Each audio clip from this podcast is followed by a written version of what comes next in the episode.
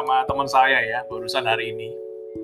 Jadi dia curhat ya, dia curhat, dia punya bisnis, bisnisnya bagus sebelum pandemi bagus sekali bisnisnya bidang jasa ya. Bisnis yang kategori orang-orang itu jarang untuk masuk, tapi sekarang susah teman-teman. Sekarang susah. Dia curhat mulai beberapa bulan ini udah nggak bisa bayar cicilan ke bank ya. Jadi untuk cicilan udah nggak bisa bayar ya jadi terpaksa harus nombokin dari duit pribadi. Padahal sebelumnya dari bisnisnya udah cukup ya. Udah lebih-lebih, profitnya udah banyak ya. Tapi bisa seperti itu ya, bisa seperti itu. Dan itu nggak cuma dialami oleh teman saya, tapi saya yakin juga dialami oleh banyak orang di luar sana ya. Kita turut bersedih, ya kita turut bersedih. Sebenarnya dengan ini kita bisa ya, dengan bisnis online ini kita bisa bantu ya, kita bisa bantu banyak orang teman-teman ya, bantu banyak orang. Kita nggak perlu lagi harus bikin yang namanya itu kan keputusan yang sulit ya teman-teman ya. Jadi sebagai entrepreneur itu kadang kita bikin keputusan itu ya di situasi yang seperti sekarang, situasi tough ya, situasi yang berat.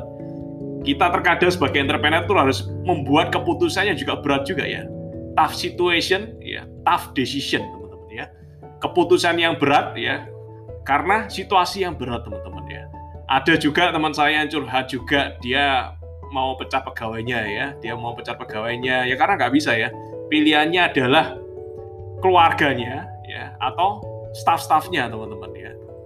Jadi itu keputusan yang sulit, keputusan yang sulit sebagai pengusaha ya, sebagai pengusaha itu kita kan kalau bisnis itu nggak nggak cuma mikirin kita aja, nggak cuma mikirin keluarga keluarga kita aja, tapi kita juga mikirin keluarga-keluarga kita yang di kantor teman-teman ya.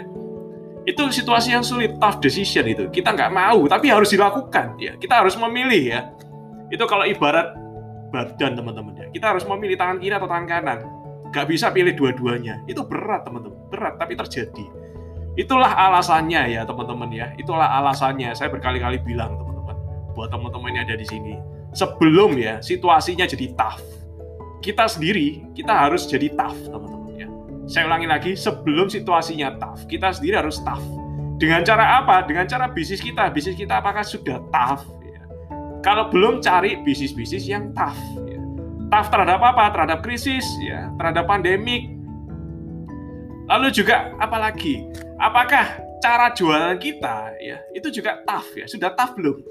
Jangan sampai di jangan sampai diperkuat, ditafin ya, dipersulit karena keadaan ya. Karena orang sukses itu orang yang bukan orang sukses adalah bukan reaktif ya, tapi antisipatif ya reaktif sama antisipasi itu dua hal yang berbeda. Kalau teman-teman reaktif, itu masalah udah terjadi, problem udah terjadi, baru mikir ya, baru oh aku harus seperti ini. Tapi problem udah di depan mata, masalah udah depan mata. Orang yang berhasil sebelum problem itu datang di depan mata, kita udah antisipasi. Oh nanti kalau seperti ini, saya udah nyiapin ini. Oh nanti kalau seperti ini, plannya udah ada, plan B-nya udah ada.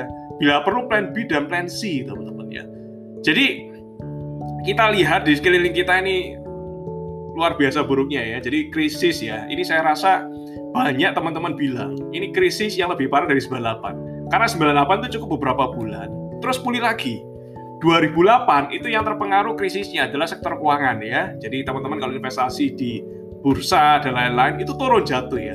Tapi kalau 2020 sampai 2021 ini mungkin sampai tahun depan juga ya 2022 ini sudah bertahun-tahun semua bisnis terdampak ya semua kategori terdampak. Ya ada kategori kategori yang tidak terdampak. Contohnya online ya bisnis online ini. Teman-teman yang ada di sini kita semua online ya. Basicnya online dan teknologi itu sangat sama sekali tidak terdampak teman dampaknya itu bukan negatif tapi malah positif teman-teman ya. Jadi jangan sampai saya juga didengar ya. Saya juga dengar dari teman saya juga ya. Dia udah sekarang hentikan ya kegiatan-kegiatan yang tidak berdampak pada penjualan secara langsung dihentikan ya. Itu coba bayangin ya teman-teman ya. Ketika bisnis-bisnis di luar sana pokoknya fokusnya sales, branding di cut, marketing di cut, semuanya di cut. Itu setiap perusahaan itu selalu ada supplier, supplier untuk konsultan, supplier untuk bisnis-bisnis. Jadi satu bisnis itu ada ekor-ekornya ya di bisnis-bisnis yang lain supplier ini, supplier ini. Ketika di cut semua itu coba berapa orang ya berapa puluh orang, berapa ratus orang yang tiba-tiba kehilangan pekerjaan, yang tiba-tiba kehilangan bisnis ya. Jadi jangan sampai ya kita menjadi seperti itu. Kita harus siap dulu teman-teman ya. Jadilah orang yang antisipasi teman-teman ya. Karena yang apalagi ya yang pasti di dunia ini itu ada dua teman-teman cuma ada dua yang pasti di dunia ini ya yang pertama adalah kematian itu pasti ya yang kedua adalah jatuh tempo teman-teman ya jatuh tempo cicilan kita itu pasti teman-teman ya yang jadi beda. Kalau kematian kita kita nggak tahu kapan kita mati teman-teman ya. Tapi kalau jatuh tempo kita tahu persis ya kapan jatuh temponya ya. Jadi itu ya itu seorang pengusaha harus tahu itu